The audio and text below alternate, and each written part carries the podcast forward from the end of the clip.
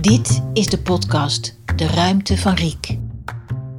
Deze podcast hoort bij het gelijknamige boek over stedenbouwkundige Riek Bakker, geschreven door Margreet Vochtelo en Riek Bakker, maar is ook zelfstandig te beluisteren. Riek Bakker heeft met daadkracht, doorzettingsvermogen en creativiteit haar stempel gedrukt op de ruimtelijke inrichting van Nederland, met als meest toonaangevende projecten de Kop van Zuid in Rotterdam en Finexwijk Leidse Rijn bij Utrecht. In deze podcast hoort u Riek Bakker zelf, maar ook oud-collega's, vrienden en familie over de ontwikkeling van haar werk en haar leven.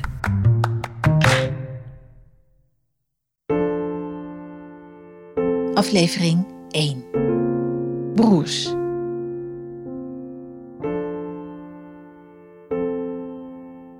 In 1944 wordt Riek geboren als zesde kind in het gezin Bakker.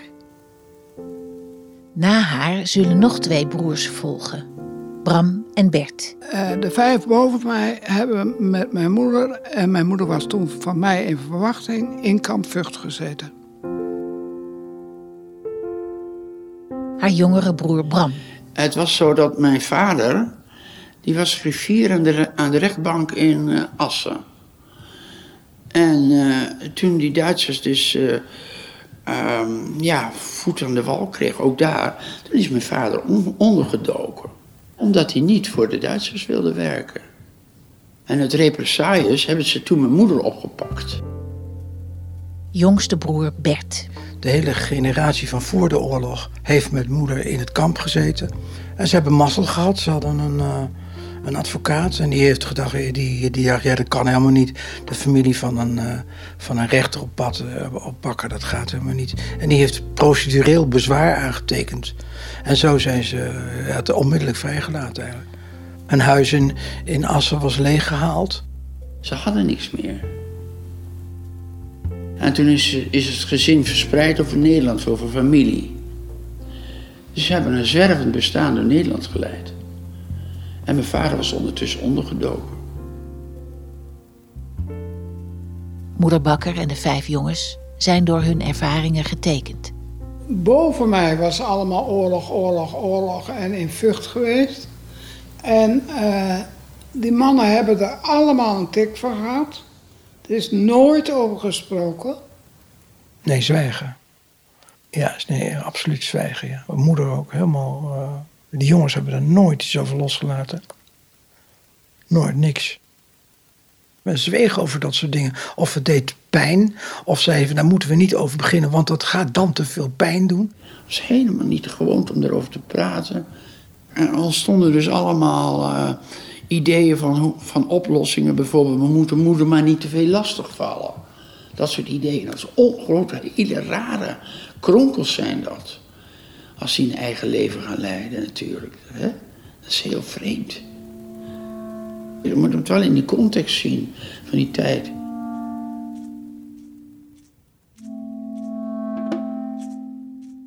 Ruim tien jaar later voltrekt zich een volgende ramp in het gezin. Een zomer in juni was het 57. En ik weet nog, ik speelde met mijn vriendjes in het Wilhelminapark daar, waar we altijd andere de gangen. Toen kwam de, een taxi aan en die stopte me. En die, mijn vader die draaide het, het raampje open en die zei: Hallo Bram, hoe, uh, hoe is het of zo? Wat ben je allemaal aan het doen? Alsof de president langskwam, weet je wel, zo'n gevoel. En mijn moeder zat er ook heel plechtig bij. En wij, ja, ik was me van geen kwaad bewust of dat er iets in de lucht hing. Toevallig. Ik had mijn rolschaatsen nog onder. Ik kon bij wijze van spreken nog meeschaatsen. En nog diezelfde avond, nachtavond, is mijn vader overleden. Hij stond zijn tanden te poetsen. En uh, hij viel, uh, hij had een hartstilstand en hij viel achterover toen lag hij tegen de badkamerdeur aan. Hebben ze dus mijn vader aan de kant geschoven. En toen kwam, kwam nou ja, toen was het dus duidelijk. In mijn herinnering waren toen de spoorbomen dicht. Dus konden ze hem niet goed bij het uh, ziekenhuis krijgen. Want dat, dat, lag aan de andere kant van het spoor. Hij had gewoon, weet je wel, ja, hartfalen. te hard werken, ontspanning met jenever en sigaren. En dan uh, ja, gewoon weinig fysieke conditie opbouwen. We waren er niet van op de hoogte. Toen de volgende morgen, toen. Uh, en dan moeder ons apart, Bram en Bert. En toen vertelde ze dus dat vader was overleden. En dat werd gevolgd door de vraag van, willen jullie vader nog zien? Riek wilde vader niet zien. Die wilde dat niet. Maar Bert en ik wilden het wel. Dat is heel indrukwekkend natuurlijk. Ja. Mijn vader was eigenlijk een soort standbeeld die omviel.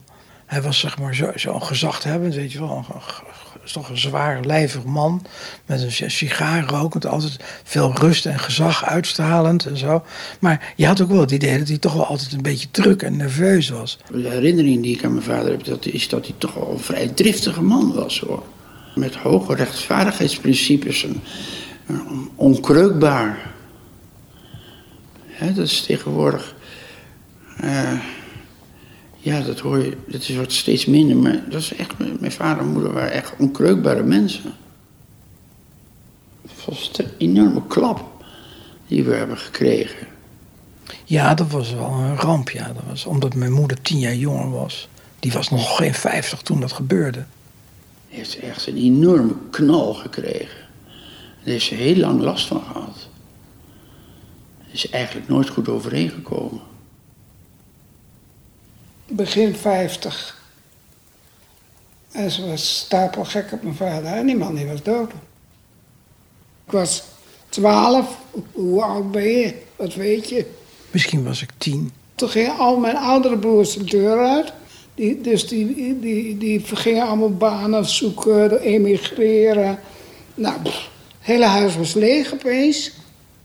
Eh, ja, ik had meteen, toen vader wegviel, had je het gevoel dat je op jezelf werd teruggeworpen. Of zo. Er ontbrak een heleboel ondersteuning. Mijn moeder was eigenlijk somber en had het te druk. En uh, de oudere broers gingen weg. Bram, Bert en ik.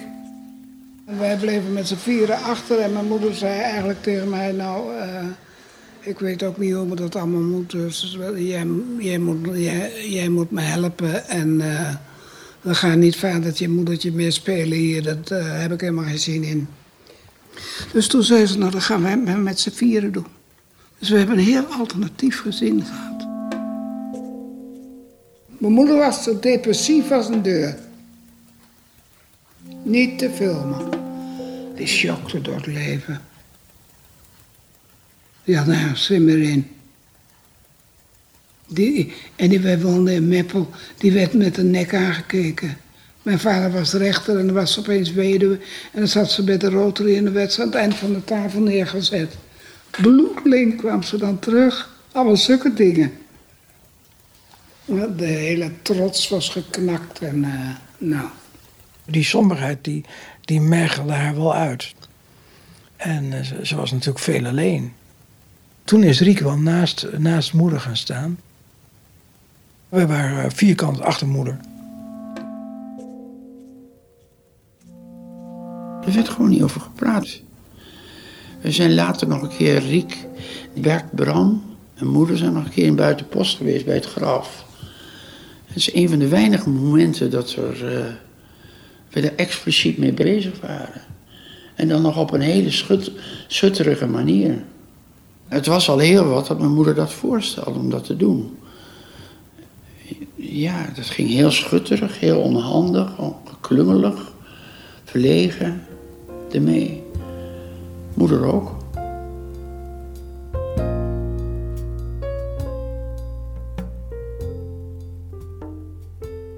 En hoe ontwikkelde Riek zich ondertussen? Toen ze jong was, was ze niet, niet zo heel duidelijk hoor. Niet altijd even aardig. Rick die leerde heel moeilijk en die was echt geblokkeerd. Don't push her. Want dan, dat gaat er niet. Dus als Rick gepusht werd in die, dit stomme, stomme schoolsysteem, dat ging helemaal niet met haar. Ze wilde iets heel anders, maar ik weet ook niet goed wat. Of ze was meer met moeder bezig.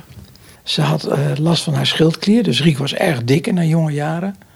En uh, ze had het daardoor heel zwaar. Wij hadden zoiets als, je dan in een, in een restaurant zat, dan hadden de mensen commentaar op haar dikte. En daar werden wij dus allemaal heel erg boos van. Dan dachten we, krijgen we nou joh?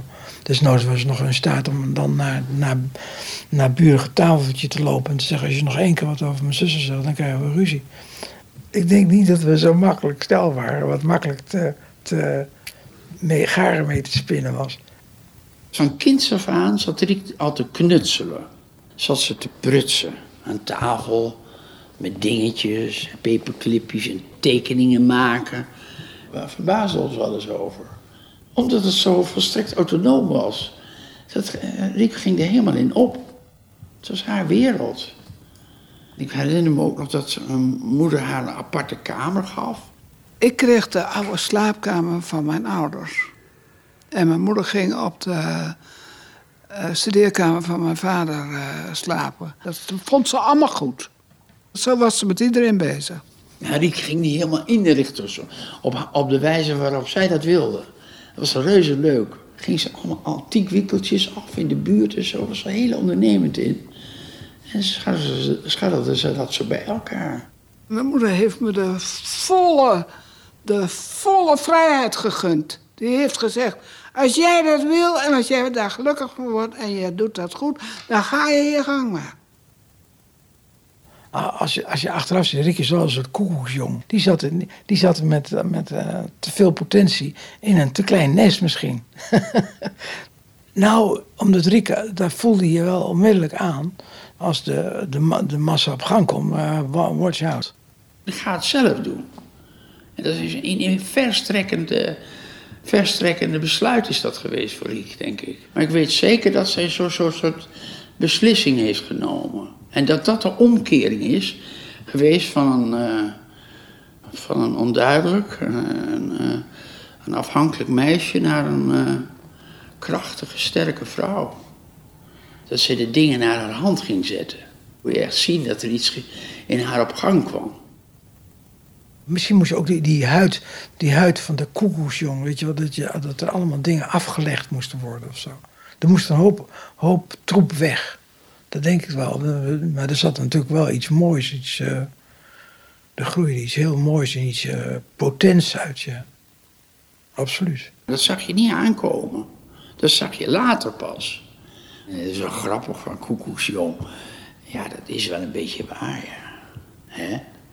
Met die grote strik in haar. Met al die jongens eromheen. Fascinerend.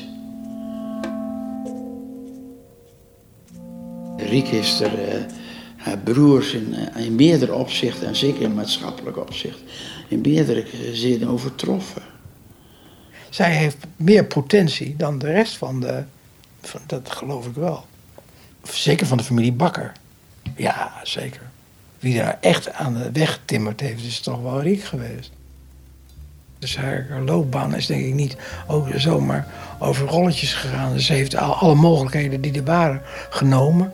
Maar ze moesten wel creëren of ze moesten wel naartoe werken. En dat vind ik wel een groot voorbeeld. Ja, ik vind Riek toch echt anders. Ja. Veel uitgesprokener. Echt anders.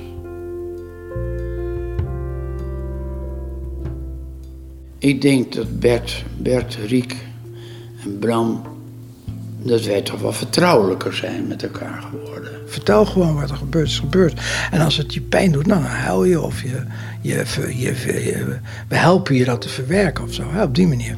Dat we ook wat dat soort dingen, zeker, zeker als Riek er ook bij is, wat gemakkelijker over praten. Riek die kan ook wel erg ontwapenen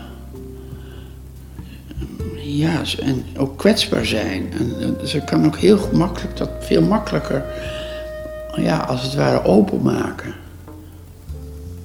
Dat is een gevoel wat ik heb, ja. Ik heb verschillende oudere broers, maar echt mijn oudste broer is Riek. Die eh, informeert hoe het met je is of die interesse toont. Nou, dat is toch wel de kwaliteit in vergelijking met die andere, dat ze echt mijn oudere broer was nu gaat het dan niet zo goed met me. Maar hoe ze daarop reageert, dat zijn toch kleine wondertjes. Dat is heel lief. Schattige dingen doet ze dan. kleine knutseldingetjes die ze, ze dan mee aankomt zetten. Een schilderijtje of zo. Dan zijn we echt broer en zus.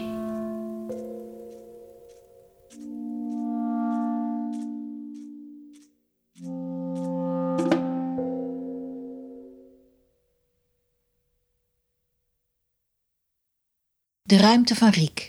Idee, interviews en montage Helene Hummelen. Productie en aanvullende opnames Wiki de Boer. Eindmixage Jan de Wit Postman. Muziek Blue Dot Sessions. Creative Commons 4.0. Techniek podcast Jesper Buursink. Geproduceerd door Interact. Met dank voor de medewerking aan Bram Bakker, Bert Bakker, Leon de Jong, Job de Jong, Eva de Jong, Fenna de Vries, Willem Westerik, Bram Peper, Peter Aubert, Patrick van der Klooster, Hanno Peil, Ilse Saris, John Krul, Mark Kikkert, Annemarie Jorritsma, Hugo de Jonge, Katrien Prak, Therese Mol en Riek Bakker.